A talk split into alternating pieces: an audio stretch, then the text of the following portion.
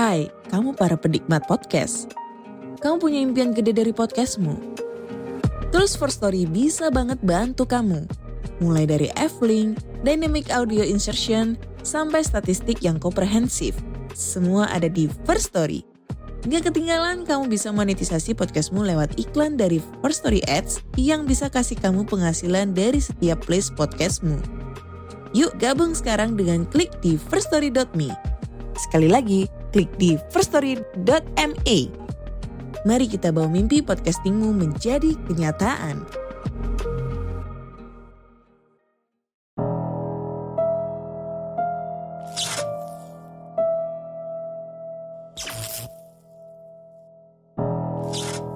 Assalamualaikum warahmatullahi wabarakatuh.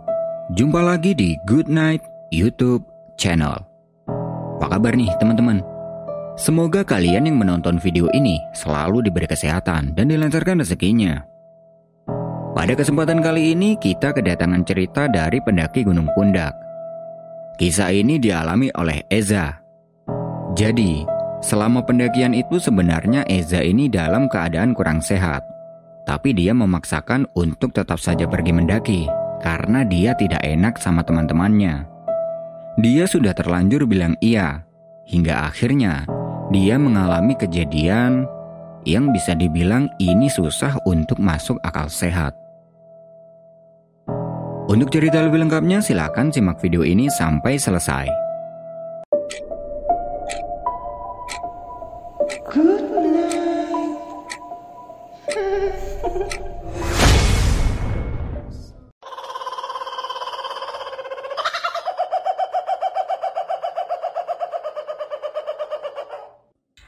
Gunung Pundak adalah sebuah gunung yang terletak di Dusun Celaket, Kecamatan Pacet, Kabupaten Mojokerto, Jawa Timur. Gunung ini memiliki medan yang cukup ringan serta waktu tempuh yang cukup singkat.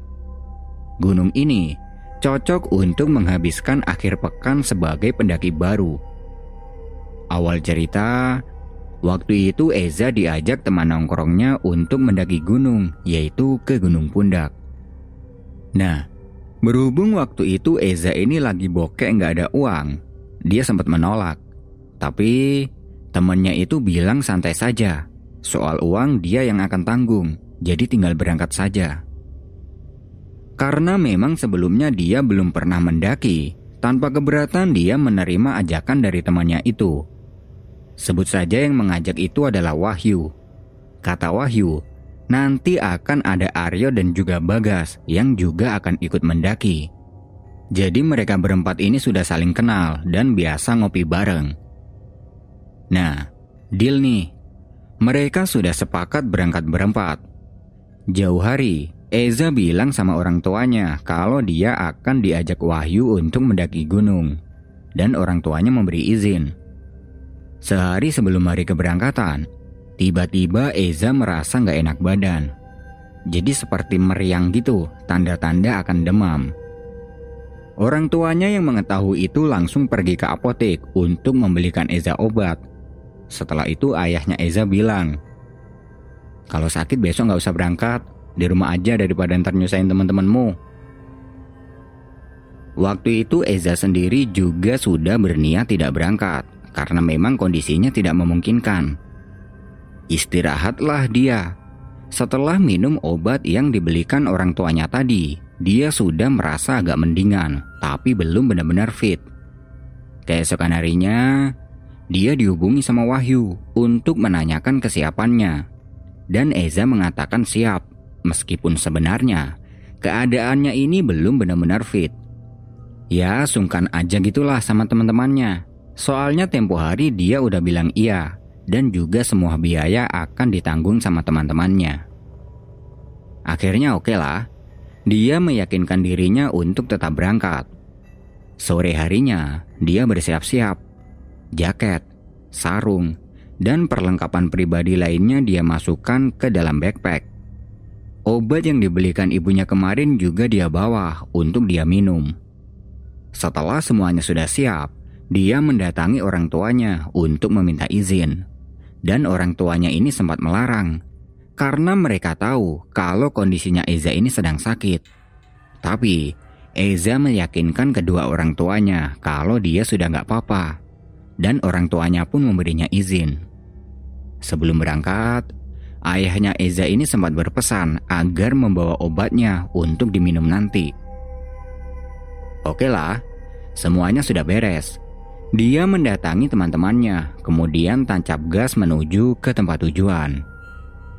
Di perjalanan, mereka mampir dulu di toko untuk beli keperluan logistik. Singkat cerita, sampailah mereka di daerah Pacet. Di sini mereka sempat diputer-puterin sama Google Maps, tepatnya di Bundaran Pacet. Mereka muter-muter di tempat itu kurang lebih tiga kali. Ya wajar sih, sebelumnya mereka belum pernah ke sini dan gak tahu jalan. Singkat cerita, Sampailah mereka di pos pendakian Gunung Pundak pada sore hari. Sesamanya di sana, mereka langsung mengurus izin dan segala macam. Setelah itu, mereka membagi logistik yang dibeli tadi di jalan. Nah, karena waktu itu tasnya Eza ini yang paling kecil, dia kebagian membawa 6 botol air mineral. Bayangin aja nih, 6 botol air mineral ditaruh di dalam tas ransel auto pundak yang bakal nyut-nyutan. Setelah semuanya sudah terbagi, mereka langsung memulai perjalanan. Di perjalanan itu mereka ini jalannya berpencar-pencar. Aryo dan Bagas berjalan di paling depan, sedangkan Wahyu dan Eza di belakang. Beberapa meter berjalan, jalan mereka ini malah semakin jauh. Dan di situ Eza mulai merasakan capek karena membawa air mineral tadi. Sesampainya di pos 1, Eza sudah benar-benar kecapean. Di sisi lain, kondisi badannya ini sebenarnya belum begitu fit. Karena tidak mau merepotkan teman-temannya, dia minta sama Wahyu untuk jalan dulu, nanti dia akan menyusul. Duluan aja yuk, aku berhenti sebentar. Kata Eza. Yaudah, aku jalan pelan-pelan ya. Jawab Wahyu. Jalanlah itu Wahyu. Dan waktu itu, waktu sudah menjelang petang. Eza duduk di sebidang tanah di sebelah jalur untuk menghilangkan rasa capeknya. Dan ketika sedang duduk, tiba-tiba dia merasa ngantuk, mungkin karena efek kecapean. Dia duduk sambil menumpangkan kepala di atas lutut, dan dalam keadaan setengah tidur. Sayup-sayup, dia mendengar ada suara langkah kaki yang sedang berjalan. Mendengar itu dia langsung melek dan terlihat ada satu pendaki yang sedang berjalan turun. Eza menyapa pendaki itu. Monggo mas. Tapi orang itu tidak menjawab apa pun. Dia nyelonong gitu aja, seperti tidak tahu kalau di situ ada Eza. Eza cuek saja sih, Ya mungkin pendaki itu sedang terburu-buru atau bagaimana. Dia lanjut menumpangkan kepala di atas lutut. Dan dalam keadaan setengah tidur lagi, dia mendengar ada orang yang sedang ngomong di sebelah kanannya. Suaranya itu cukup berat dan agak serak-serak. Dia ngomong seperti ini. Le, ojo turunan kene, dengali. Jangan tidur di sini. Cepat pindah. Mendengar itu Eza langsung bangun. Dan bangun-bangun, tiba-tiba di sekelilingnya ini sangat ramai oleh orang yang sedang berjalan mondar-mandir. Spontan Eza kaget dong. Dia melihat keadaan sekitar. Dan ternyata ini adalah sebuah pasar. Ada yang menjual sayuran, ada yang menjual daging, dan segala macam. Dan orang-orang yang mundar-mandir itu adalah pembeli di pasar tersebut. Loh, ini kok pasar? Apa mungkin aku barusan tidurnya lama ya? Batinnya. Dia masih bingung. Lalu, dia berdiri dari duduknya. Dan ternyata, posisi tidurnya ini adalah di pinggir jalan pasar, di tengah-tengah keramaian. Dia ingat dengan orang yang menyuruh bangun tadi. Dia mencari orang itu, tapi tidak ada. Dengan kondisi yang masih setengah ngantuk, dia berjalan meninggalkan pasar itu dan menganggap kalau itu memang benar-benar pasar. Beberapa meter meninggalkan pasar tadi, dia masuk ke dalam hutan yang menurutnya itu adalah jalur pendakiannya. Kondisinya waktu itu masih sama, yaitu menjelang petang, jadi seperti suasana akan menjelang maghrib. Nah, di dalam hutan, dia melihat ada dua orang yang sedang duduk di pinggir jalan setapak. Eza langsung menghampiri dua orang itu, dan dua orang itu menyapa Eza. Monggo mas, makan-makan dulu. Oh, inje mas. Jawab Eza ikut duduk di sebelah mereka. Monggo, monggo, ini ada gorengan. Salah satu orang itu menawari Eza gorengan yang terbungkus plastik. Eza mengambil satu potong gorengan. Sambil makan, mereka ngobrol-ngobrol gitulah, tanya alamat dan segala macam. Mereka adalah dua pendaki asal Pasuruan. Nah, melihat gorengan yang dia makan, dia langsung ingat dengan pasar tadi. Ini beli di pasar tadi ya mas? Tanya Eza. Pendaki itu kaget. Pasar? Enggak kok, ini kita bawa dari tadi pagi pas naik. Sampai di atas lupa nggak kemakan. Walah, kirain beli di pasar tadi. Dua pendaki itu saling melihat. Lalu mereka bertanya lagi. Emangnya di mana ada pasar? Itu tadi di situ. Barusan saya lewat kok. Dua pendaki itu semakin bingung. Lalu dia menjelaskan pada Eza. Mas, ini gunung. Mana ada pasar di sini? Tapi tadi ada kok di sana. Salah lihat mungkin. Di sini nggak ada pasar. Eza melihat ke belakang, tapi pasar tadi sudah tidak terlihat. Merasakan ada yang aneh dengan Eza, pendaki itu menetralkan situasi. Udah-udah, monggo dihabisin gorengannya. Eza masih tidak yakin dengan perkataan dua pendaki itu. Bagaimana bisa mereka tidak tahu kalau di sana ada pasar? Sedangkan tadi jelas-jelas dia melihat ada pasar dan pasarnya itu sangat ramai. Setelah satu gorengan sudah dia makan, dia melihat ada pancuran pipa air. Karena waktu itu kondisinya Eza ini masih setengah ngantuk, dia pergi ke pancuran air itu untuk membasuh muka agar ngantuknya ini hilang. Setelah basuh muka, dia balik kedua pendaki tadi dan ngisep sebatang rokok. Tidak lama kemudian, dari belakang terlihat Wahyu sedang berjalan. Za, malah nyantai di sini. Ayo ditungguin anak-anak tuh. Oh iya maaf, aku tadi ketemu mas-mas ini. Iya mas, monggo ini ada gorengan. Wahyu ikut duduk sebentar dan makan satu gorengan. Setelah itu, dia dan Eza pamit sama dua pendaki tadi untuk lanjut jalan naik. Beberapa meter meninggalkan dua pendaki tadi, Eza mencari-cari pasar yang tadi, tapi tidak ketemu. Lalu dia bertanya pada Wahyu. Yuk, perasaan di sekitar sini tadi ada pasar dah. Tapi sekarang kok nggak kelihatan. Pasar apa, Za? Di gunung mana ada pasar? Loh, tadi beneran ada di sini. Eza semakin tidak habis pikir. Di tempat dia tidur tadi memang benar-benar tidak ada pasar. Semuanya hutan. Tidak lama kemudian, mereka sampai di tempat Aryo dan Bagas yang sedang menunggu mereka. Kemudian mereka lanjut jalan lagi.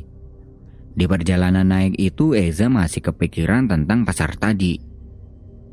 Apa itu tadi pasar gaib ya? Dan apa aku tadi ada di alam sebelah? Batinnya. Dia tidak bilang itu dulu sama yang lain. Singkat cerita, sampailah mereka di puncak sekitar jam 8 malam. Jadi perjalanan dari base camp hingga sampai di puncak Gunung Pundak ini tidak memakan waktu lama. Tiga jam saja sudah bisa sampai. Kalau cepat ya dua jam sudah sampai. Di puncak itu, terlihat sudah banyak pendaki yang sedang ngecamp. Mereka langsung mendirikan tenda juga. Setelah itu, mereka masak-masak, kemudian makan. Tidak lupa, Eza meminum obat yang dia bawa dari rumah tadi. Tidak terasa malam semakin larut. Karena dingin, mereka memutuskan untuk tidur ke dalam tenda. Dan entah jam berapa, Eza terbangun karena badannya ini merasa meriang alias demamnya kambuh. Dia kedinginan hebat malam itu, sampai-sampai sleeping bag yang dia pakai ini tidak terasa hangat sama sekali. Dia berusaha duduk untuk minum obat lagi, tapi tidak bisa. Badannya ini rasanya sudah kaku karena kedinginan. Di dalam pikirannya hanya ada satu, yaitu hipotermia. Sampai beberapa saat, Eza masih berbaring kedinginan dan tidak bisa ngapa-ngapain. Lalu, sayup-sayup dia mendengar ada suara dari luar tenda. Eza, matu oleh. Eza, keluarlah nak. Suara itu diulang-ulang sampai kurang lebih lima kali. Nah, gak tahu kenapa nih ya, Mendengar suara itu seketika tubuhnya Eza ini rasanya sangat ringan. Tadinya yang tidak bisa digunakan untuk bergerak sekarang sudah bisa. Dan rasa dingin juga tidak terasa lagi. Dia lekas keluar dari tenda untuk melihat siapa yang memanggil tadi. Sesampai di luar, tampak ada kakek-kakek yang jenggotnya sangat panjang. Panjangnya sampai ke dada. Dia membawa potongan bambu. Orang itu meminta Eza untuk mencuci telapak tangan, telapak kaki, dan wajahnya dengan menggunakan air yang ada di dalam potongan bambu yang dia bawa. Kakek itu kemudian mengucurkan air dari dalam potongan bambu itu, dan tanpa banyak bertanya, Eza menadakan tangannya dan mencuci telapak kaki, telapak tangan, dan yang terakhir adalah wajahnya. Setelah mencuci semuanya, kakek itu duduk dan Eza juga ikut duduk. Kemudian, si kakek itu mengelus pundaknya Eza sambil dia bilang, Menembe nek loro aja sorene. Muka mari raup nganggo banyu iki awakmu iso kepenak. Lain kali kalau sakit jangan memaksa untuk ke sini. Semoga habis mencuci muka dengan air ini badanmu bisa membaik. Eza hanya mengangguk saja mendengarkan nasihat dari kakek itu. Lalu, kakek itu mengucapkan salam dan pamit pergi sama Eza. Eza bingung, siapa kakek itu? Kenapa dia memberi nasihat? Lalu, dia balik masuk ke dalam tenda. Dan di dalam tenda dia ini melihat dirinya sendiri sedang menggigil kedinginan. Loh, ini kan aku. Terus aku yang kedinginan ini siapa? Dia sangat bingung. Lalu, dia membaringkan badannya di atas tubuhnya yang kedinginan itu. Dan perlahan, rasa dingin yang dia rasakan itu perlahan hilang. Rasa-rasanya badannya ini sudah seperti sebelumnya. Dia langsung bangun dan mencari air untuk diminum. Terlihat jam di HP sudah menunjukkan pukul 3 dini hari. Setelah minum beberapa teguk air, dia melanjutkan tidurnya lagi. Eh, Rek, ayo bangun. Udah pagi, sunrise-nya keren. Ucap Wahyu yang sudah bangun terlebih dahulu. Eza langsung bangun, begitupun dengan yang lain. Setelah bangun itu, mereka langsung keluar untuk menikmati sunrise di puncak Gunung Pundak.